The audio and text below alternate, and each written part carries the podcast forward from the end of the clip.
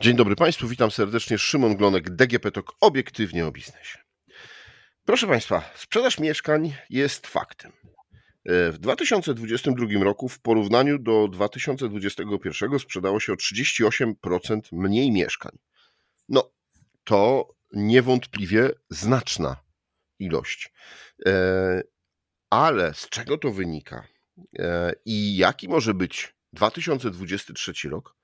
O tym wszystkim za chwilę porozmawiam z panią Katarzyną Kuniewicz, Head of e, Research Otodom Analytics. Dzień dobry pani Katarzyno. Dzień dobry. Dzień dobry. Bardzo mi miło, że możemy o rynku mieszkaniowym porozmawiać. No, to taki Bardziej, rynek, że który... temat jest ciekawy. No i bardzo ważny dla wielu Polaków. No właśnie, bo Mhm. to jest tak, że ta sprzedaż stanęła dlatego, że co? Przestaliśmy już chcieć kupować mieszkania? Ten rynek się nasycił? Absolutnie nie. Nie, nie, nie, absolutnie nie. Pierwsza taka podstawowa kwestia to jest takie bardzo ważne rozróżnienie w tej chwili pomiędzy popytem rozumianym jako e, potrzebą mieszkaniową, e, potrzebą zaspokojenia, czy mm, koniecznością zaspokojenia tej potrzeby mieszkaniowej, bądź potrzebą inwestowania w rynek, e, w mieszkania. To jest jedna kwestia. Czyli czy mamy potrzebę wciąż? Mamy potrzebę. A druga kwestia to jest realizowana sprzedaż. I w tej chwili w takim zamieszaniu troszeczkę pojęciowym jesteśmy, bo mówimy popyt spada. Spada sprzedaż. Nie znika popyt i mało tego, ten popyt, y, który widzieliśmy przed y, w 2021 roku, w 2020 na rynku, we wcześniejszych latach, on można powiedzieć, że nawet jest y, y, większy w tym sensie, w tym znaczeniu, że więcej osób odczuwa, że nie może zrealizować tej swojej potrzeby mieszkaniowej. Czyli spadła sprzedaż o 38%. Nie zmniejszył się popyt rozumiany jako potrzeba mieszkaniowa. No dobrze, ale to, to powiedzmy o tym, y, powiedziała Pani o tych dwóch popytach. Czyli tym Mhm. popycie takim, gdzie potrzebujemy Tak. kupić mieszkanie sobie, żeby w nim Tak, mieszkać, i mieszkanie jako mieszkać. inwestycję, Mhm. Jako y, no, zabezpieczenie swojej gotówki, chociażby przed inflacją. Tak, tak. E, Co do tego nie ma wątpliwości, że tu są co najmniej dwa rodzaje takiego, e, takiego popytu realizowanego, potem w formie sprzedaży, kupna, kupna mieszkania na rynku mieszkaniowym. I jeden i drugi ten popyt nadal jest taki wysoki, możemy powiedzieć, no właśnie, czy A właśnie nie. Wydaje się, że y, ten, ta, ta część popytu, y, taka najbardziej, wyda, wy- no, najbardziej taka oczywista, potrzebujemy gdzieś mieszkać, ta część popytu em, została z rynku, ludzie, którzy mają taką potrzebę, zostały, zostali z tego rynku rozumianego jako nie, oferowanie mieszkań, które można kupić dla siebie i być właścicielem, ta część popytu została wypchnięta. E, I teraz e, pytanie, gdzie? Pod most? Oni zostali wy, wypchnięci na rynek najmu. E, Mhm. Z własności do najmu. E, To rodzi bardzo ciekawą e, taką konstatację. W pierwszym odruchu mówimy, Polacy zmieniają zwyczaje. Zo- Zostawmy na chwileczkę ten temat, bo chciałabym odpowiedzieć na pytanie, co się stało z drugą częścią popytu, czyli z tą częścią inwestycyjną. Ta część inwestycyjna popytu, ona po pierwsze realizuje się w postaci, e, w postaci zakupu mieszkań, choć bardziej przesunęła się z rynku pierwotnego na rynek wtórny w poszukiwaniu okazji i y, trwa też w takim wyczekiwaniu, przyglądaniu się rynku, rynkowi pierwotnemu, czyli temu, co oferują deweloperzy, z myślą o, o różnego typu okazjach, które się mogą pojawić.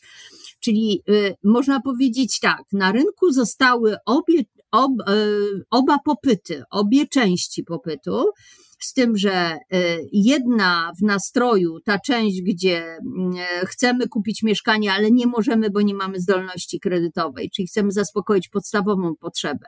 wypchnięta na rynek najmu i ta druga część, która mm, jest częścią inwestycyjną, mm, realizuje sprzedaż, kupuje mieszkania ale tylko tam, gdzie uzna to za rzeczywiście y, zarówno dobry moment, jak i y, dobrą ofertę. Obie części jednak są bardzo wyraźnie zredukowane, e, jeśli chodzi o realizację sprzedaży. Ale bardzo ważną rzeczą jest, żeby zdawać sobie sprawę, że e, popyt y, nie zniknął, nie odszedł z rynku, tylko tak jakby zatrzymał się, przykucnął i ogląda i przygląda się. Mm, on nie odszedł daleko, on nie zrezygnował. No dobrze, a ten popyt czemu musiał przykucnąć? Czy mieszkania tak znacznie podrożały z powodu inflacji? E, czy to jest to, o czym się mówi, że no jednak e, zdolność kredytowa mocno spadła? Mhm. Tak, to jest ta, ta główna przyczyna. To znaczy są y, y, powody, dla których, y, mm, dla których mamy mniejszą sprzedaż na rynku mieszkaniowym są absolutnie powodami, nie, nie, są, nie, nie leżą po stronie podaży. Czyli jak nie leżą po stronie podaży, to od razu powiem, przyczyną nie jest mały wybór, czyli to, co oferują deweloperzy, i przyczyną, wbrew pozorom, nie są wysokie ceny to nie te dwa czynniki spowodowały, że, e, że sprzedaż jest niższa. E, powodem jest w pierwszej kolejności, no, po pierwsze jest to tak, takiego wyraźnego, powodem takiego wyraźnego spadku sprzedaży e, mm, są wymogi, które stawiają banko, banki przed potencjalnym kredytobiorcą, kredytobiorcą hipotecznym. Ponieważ wraz z rosnącą inflacją w naturalny sposób banki oczekują, czy licząc zdolność kredytową, zakładają wyższe koszty utrzymania. To jest pierwsza rzecz. Jak są wyższe koszty utrzymania, to w naturalny sposób y, y, u ludzi, którzy zarabiają tyle samo co miesiąc wcześniej, przy wyższych, wyższych kosztach utrzymania spada zdolność do obsłużenia, teoretyczna zdolność do obsłużenia kredytów w przyszłości. To jest jedna rzecz. Ale mieliśmy po drodze mm, e, również e, nowelizację rekomendacji S czyli to, to zalecenie y, KNF-u do te, wskazujące na to, że banki powinny przy liczeniu zdolności kredytowej doliczać nie jak dotychczas 2,5, tylko 5 punktów procentowych, y, y, zakładając, do, licząc zdolność kredytową do kredytu, do kosztów obsługi kredytu, licząc ta, tę sytuację, zakładając tę sytuację, gdyby wydarzyło się coś czego teraz jeszcze nie ma, czyli na przykład gdyby stopy o tyle e, procentowe wzrosły. No, musi być ten e, wykonany, ten, e, musi być to założenie bezpieczne dla banku, czyli i bezpieczne dla kredytobiorcy, że w, w otoczeniu jest taka niepewność, że KNF mówi w związku z tą niepewnością proszę założyć, że trzeba, za, zakładajcie, że trzeba, żeby ci ludzie mieli więcej pieniędzy którzy biorą kredyt hipoteczny. No i ten ruch, to znaczy zwiększenie kosztów y, utrzymania, które wynika z inflacji i zwiększenie e, zalecanej bezpiecznego, zalecanego bezpiecznego bufora do 5 punktów procentowych spowodowało bardzo wyraźne e, odcięcie bardzo dużej grupy potencjalnych kredytobiorców, którym nawet wydawało się, że są w stanie obsłużyć kredyt, który by teraz wzięli, no ale, ale nie są postrzegani jako potencjalni kredytobiorcy czy jako bezpieczni kredytobiorcy przez banki i oni nie mogą wziąć kredytu. E, więc e, główną przyczyną w tej chwili, e, główna taka bezpośrednia przyczyna była tutaj, w, w postanowieniach no dobrze, sektora bankowego, ale nie jedyna. W analizie, którą Państwo przygotowali, ale też w, no, w wszelkich informacjach rynkowych spływających od deweloperów, mm. jest mowa o tym, że te nieruchomości no, musiały podrożeć, no bo stal, beton, tak. praca ludzka, Czyli te wszystkie tak. czynniki, które e, były, no podrożały i, i po tak, prostu. konsekwencja pandemii. Mhm. Tak. to jest prawda. E, projekty wprowadzane do sprzedaży przez deweloperów, wprawdzie w mniejszej liczbie, w, mniejszej ilo- w mniejszych ilościach niż w 2018, 2019 czy nawet na początku 2020 roku, w, wprowadzane w mniejszej, w mniejszej liczbie były droższe. I to jest naturalna konsekwencja tego wszystkiego, rzeczywiście, co Pan wymienił, o czym Pan wspomniał, czyli wzrostu kosztów e, realizacji projektów e, deweloperskich, e, po prostu budowy mieszkań. To są fakty. Oczywiście mamy w tej chwili taki, taki moment spadku cen, to znaczy powrotu z maksymalnych y, poziomów na, na poziomy niższe, ale jeszcze daleko cały czas y, tym kosztom do powrotu y, do cen sprzed pandemii. Tutaj to zaburzenie, które nastąpiło, bardzo wyraźne, mm, jeśli chodzi o materiały budowlane, zaburzenie wywołane pandemią, E, ono cały czas e, ma swoje skutki w, e, w kosztach budowania. Niemniej jednak, proszę zwrócić uwagę, że jak patrzymy na poszczególne te największe rynki w Polsce, to ceny mieszkań w 2022 roku nie nadążyły, wzrosty cen mieszkań nie nadążyły za inflacją. Czyli można powiedzieć, że oczywiście ceny mieszkań rosną, ale inflacja jest szybsza, była szybsza w 2022 roku. Czyli y, y, dla tych, którzy chcą usłyszeć, że ceny mieszkań y, spadają, można powiedzieć, no realnie spadały. Jak je porównamy z mm, inflacją, to spadały. Nawet Warszawa, gdzie te ceny wzrosły w ciągu roku około 14%, no jak wiemy, inflacja 17,5%. W związku z tym można powiedzieć, że no, czy występuje korekta? Ustabilizowanie cen następuje, ale trudno mówić o spadkach, bo ci, którzy chcą kupić mieszkanie, jak widzą mieszkanie, które chcieli kupić w styczniu i, i następnie decydowali się w grudniu, no to to są e, mieszkania w innych cenach, wyższych. Mhm. No dobrze, to tutaj e, wrócę do początku i tego, co pani powiedziała, że zawiesza na moment, że mhm. Polacy zostali wypchnięci, ci, którzy chcą kupić tak. no, mieszkanie dla siebie, że zostali wypchnięci na rynek najmu i że tak. mówi się o tym, e, że e, zmieniamy swoje przyzwyczajenia, zmieniamy tak swoje jest. priorytety. Mhm. A to ja mam mhm. pytanie, no bo przy tej okazji też mówi się, że oczekujemy promocji, że oczekujemy, że zaczną ceny nieruchomości spadać. Tak, oczekujemy tego, dlatego że y, to oczekiwanie zresztą ma taką już powiedziałabym długą historię. My w tej kwestii, tak jak zajmuję się rynkiem mieszkaniowym nieruchomości od, y, od 2006 roku, to w zasadzie poza, jakbym wyłączyła 2-3 lata, w których nie oczekiwaliśmy y, spadku cen, ponieważ one spadały po poprzednim kryzysie, to poza tym to już to oczekiwanie, że ceny będą spadać w zasadzie towarzyszy nam na rynku y, pierwotnym w szczególności y, cały czas. Ale teraz jakby nie żartując z, ten, z tematu oczekiwań, Mm, wracając do tego, e, po pierwsze do tego, czy Polacy zmienili zwyczaje i czy mogli zmienić w tak krótkim czasie. E, Polacy nie zmienili zwyczajów, e, wprawdzie wynajmują bardziej intensywnie, wprawdzie poszukiwania mieszkań na, na wynajem były bardzo zintensyfikowane i oferta mieszkań na wynajem jeśli chodzi o liczbę mieszkań oferowanych w największych miastach, jest nadal wyraźnie niższa niż przed e, wybuchem wojny w Ukrainie. Poza jednym rynkiem, poza Gdańskiem, to wszystkie te duże rynki oferują mniej mieszkań w tej chwili na wynajem niż e, przed 24 e, lutego ale to, co i trochę w konsekwencji tego, że oferują wyraźnie mniej, a oferowały znacznie mniej w połowie 2022 roku, no to oferują znacznie drożej. I teraz tak, mamy sytuację, w której część Polaków, część tego popytu, niezaspokojonego popytu mieszkaniowego, chciała się zrealizować na rynku pierwotnym,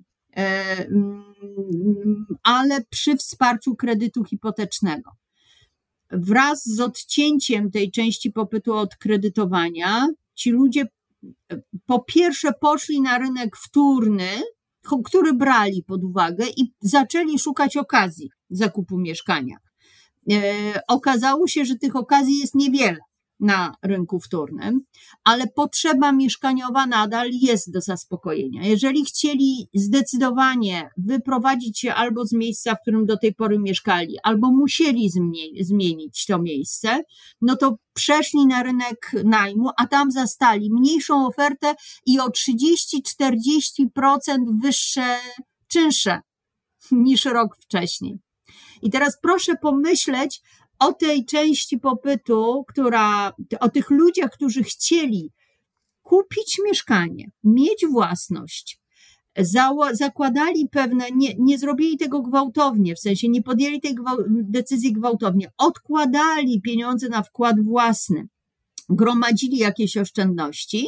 Po pierwsze, uderzyła w nich inflacja, w te oszczędności uderzyła inflacja, chcieli przyspieszyć zakup, w sensie takim, chcieli podjąć decyzję o tym, że kupuje teraz.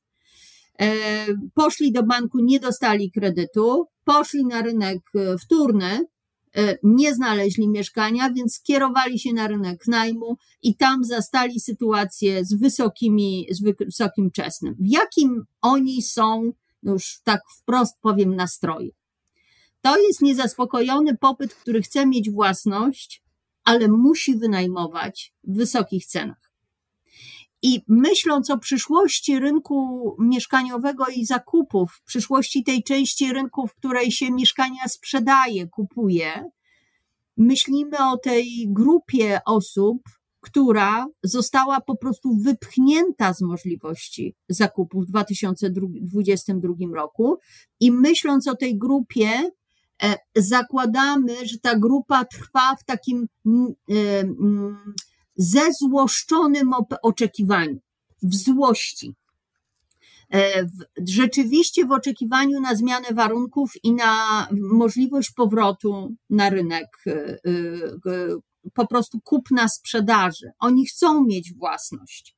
To nie no jest to powiedzmy, to powiedzmy, czy w 2023 roku ta złość może zostać E, rozładowana. E, czy mhm. po pierwsze, no właśnie, jest szansa na to, że ziszczą się oczekiwania na spadek cen mieszkań, bo mhm. E, deweloperzy jednak stwierdzą, że warto sprzedać to, co jest i nie trzymać tego, tak. a może, nie wiem, programy rządowe, które są zapowiadane, albo jakieś mhm. inne sytuacje zewnętrzne mogą doprowadzić do tego, że łatwiej będzie kupić to mieszkanie. My, więc założy, zakładaliśmy, i to naprawdę nie jest takie wcale nie, nie było to nierozsądne e, założenie. Zakładaliśmy, że jak się mm, uspokoją warunki w otoczeniu rynku mieszkaniowego, e, będziemy mieli 2-3 miesiące ze stabilizacją stopy mm, e, procentowej NBP. Doświadczyliśmy tego Będziemy mieli może nie spadającą, nie dezinflację, ale będziemy mieli uspokojenie, jeśli chodzi o wzrost. E, po pierwsze, że nie sięgniemy do końca roku 20%. Udało się to wszystko. Zakład, zarobiliśmy takie założenia, myśląc o tym, kiedy może ten popyt, który nie jest jeszcze tym popytem, e, który potrzebuje kredytu hipotecznego, ale tego, który, ten, który widzimy w badaniach, że on oczekuje i przygląda się rynkowi mieszkaniowemu i może kupić w każdej chwili mieszkanie. I nawet chce kupić, tylko czeka na, na pewne pod, y, poprawę warunków, kiedy ten popyt może wrócić. No i okazało się, że to oczekiwanie, że przy zaistnieniu pewnych korzystnych warunków część popytu się zrealizuje w postaci sprzedaży, rzeczywiście zauważyliśmy w grudniu. Czyli mieliśmy, grudzień był, e, jak popatrzy, patrzymy na sprzedaż na rynku pierwotnym w największych e, miastach, to grudzień był, e, jeśli chodzi o liczbę mieszkań sprzedanych, drugim w kolejności miesiącem, jeśli chodzi o, o, o, to, o tą największą liczbę mieszkań sprzedaży w 2022 roku. Najlepszy był styczeń i na drugim co do liczby sprzedanych mieszkań był grudzień, drugim miesiącem. Więc mieliśmy, proszę zwrócić uwagę, okres takiego uspokojenia, jeśli chodzi o decyzję Rady Polityki Pieniężnej. Mieliśmy już wreszcie spadający WIBOR, mieliśmy trochę uspokojenia, jeśli chodzi o inflację, choć na wysokim poziomie. I tylko te czynniki e, spowodowały, że e, uzyskany został dość dobry wynik sprzedażowy w grudniu. No i teraz, gdyby, gdyby te czynniki się przeniosły jakby w naturalny sposób, kontynuowa- i nastąpiłaby ich kontynuacja w pierwszym kwartale 2023 roku, to można by się spodziewać dalszego delikatnego pobudzenia i e, powrotu, e, e, nie tyle popytu, co powrotu wyższej sprzedaży na rynek mieszkaniowy, na rynek pierwotny. Jednak mamy dwie wątpliwości, dwie niepokojące informacje, które świadczą o tym, że ten pierwszy kwartał nie, może nie być dobry. Pierwsza to są zapowiedzi związane z inflacją, i tutaj spodziewamy się, że rzeczywiście no, styczeń, luty będą znowu miesiącami, w którym ta inflacja będzie wyższa, czyli pojawi się tu znowu czynnik niepokoju. Drugą rzeczą jest to, że spodziewamy się reakcji Rady Polityki Pieniężnej jednak na e, na tę wyższą inflację. Być może jednorazowej podwyżki, ale jednak jest tam gdzieś takie oczekiwanie. Spodziewamy się gorszych odczytów PKB w pierwszym kwartale. E, I, I takiego wyraźnego odczucia po stronie e, popytowej, ale rozumianej szeroko, czyli takiego gorszego odczucia, jeśli chodzi o, o koszty utrzymania. Więc to są czynniki, które wprowadzają niepokój w pierwszy kwartał. Więc wydawało się, że w takim razie drugi kwartał, ale drugi kwartał będzie w związku z tym lepszy. Wtedy wróci ten popyt. Ale minister Buda ogłosił program. Wprawdzie ogłosił go na razie tylko bez y, y, żadnego aktu prawnego, bez przedstawienia szczegółów, ale wiemy po pierwsze, że program miałby ruszyć od połowy roku, E, jak, co to za program? No program wspierający możliwość wzięcia kredytu, naprawdę do którego, do którego państwo będzie wyraźnie dopłacało przez 10 lat. Czyli pewne zagwarantowanie stabilności, stałości, e, niezależnie od tego, co się w otoczeniu e, tym takim finansowym, bankowym będzie działo.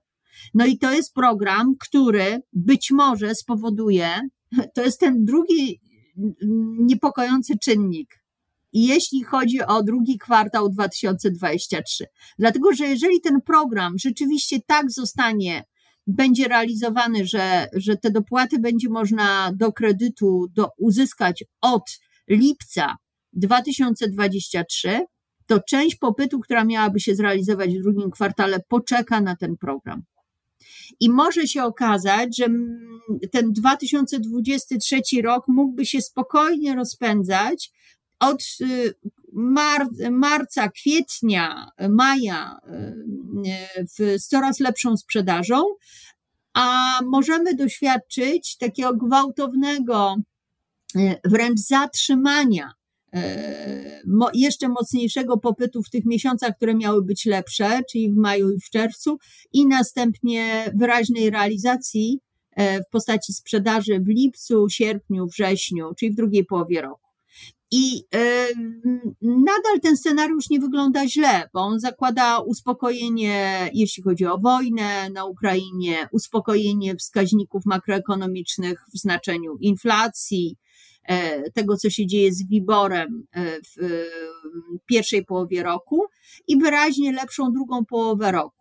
Lepiej by było, tak jak w ogóle dla rynku jest lepiej, żeby to się działo spokojnie, żeby to rozpędzanie zaczęło się w drugim kwartale, może nawet w marcu y, tego roku. Rozpędzanie mam na myśli powrót do takiego normalnego rytmu. Nie, y, nikt tutaj nie oczekuje wzrostów i wyników na poziomie z roku 18 albo 21, jeśli chodzi o sprzedaż mieszkań, bo tu żeby chwycić skalę. Najwięcej mieszkań na rynku pierwotnym na tych sześciu rynkach, ponad 70 tysięcy sprzedało się w 2018 roku. Prawie 70 tysięcy czy 70 tysięcy sprzedało się w 2021. Wracając do 2022 roku, to było 41 tysięcy sprzedanych mieszkań.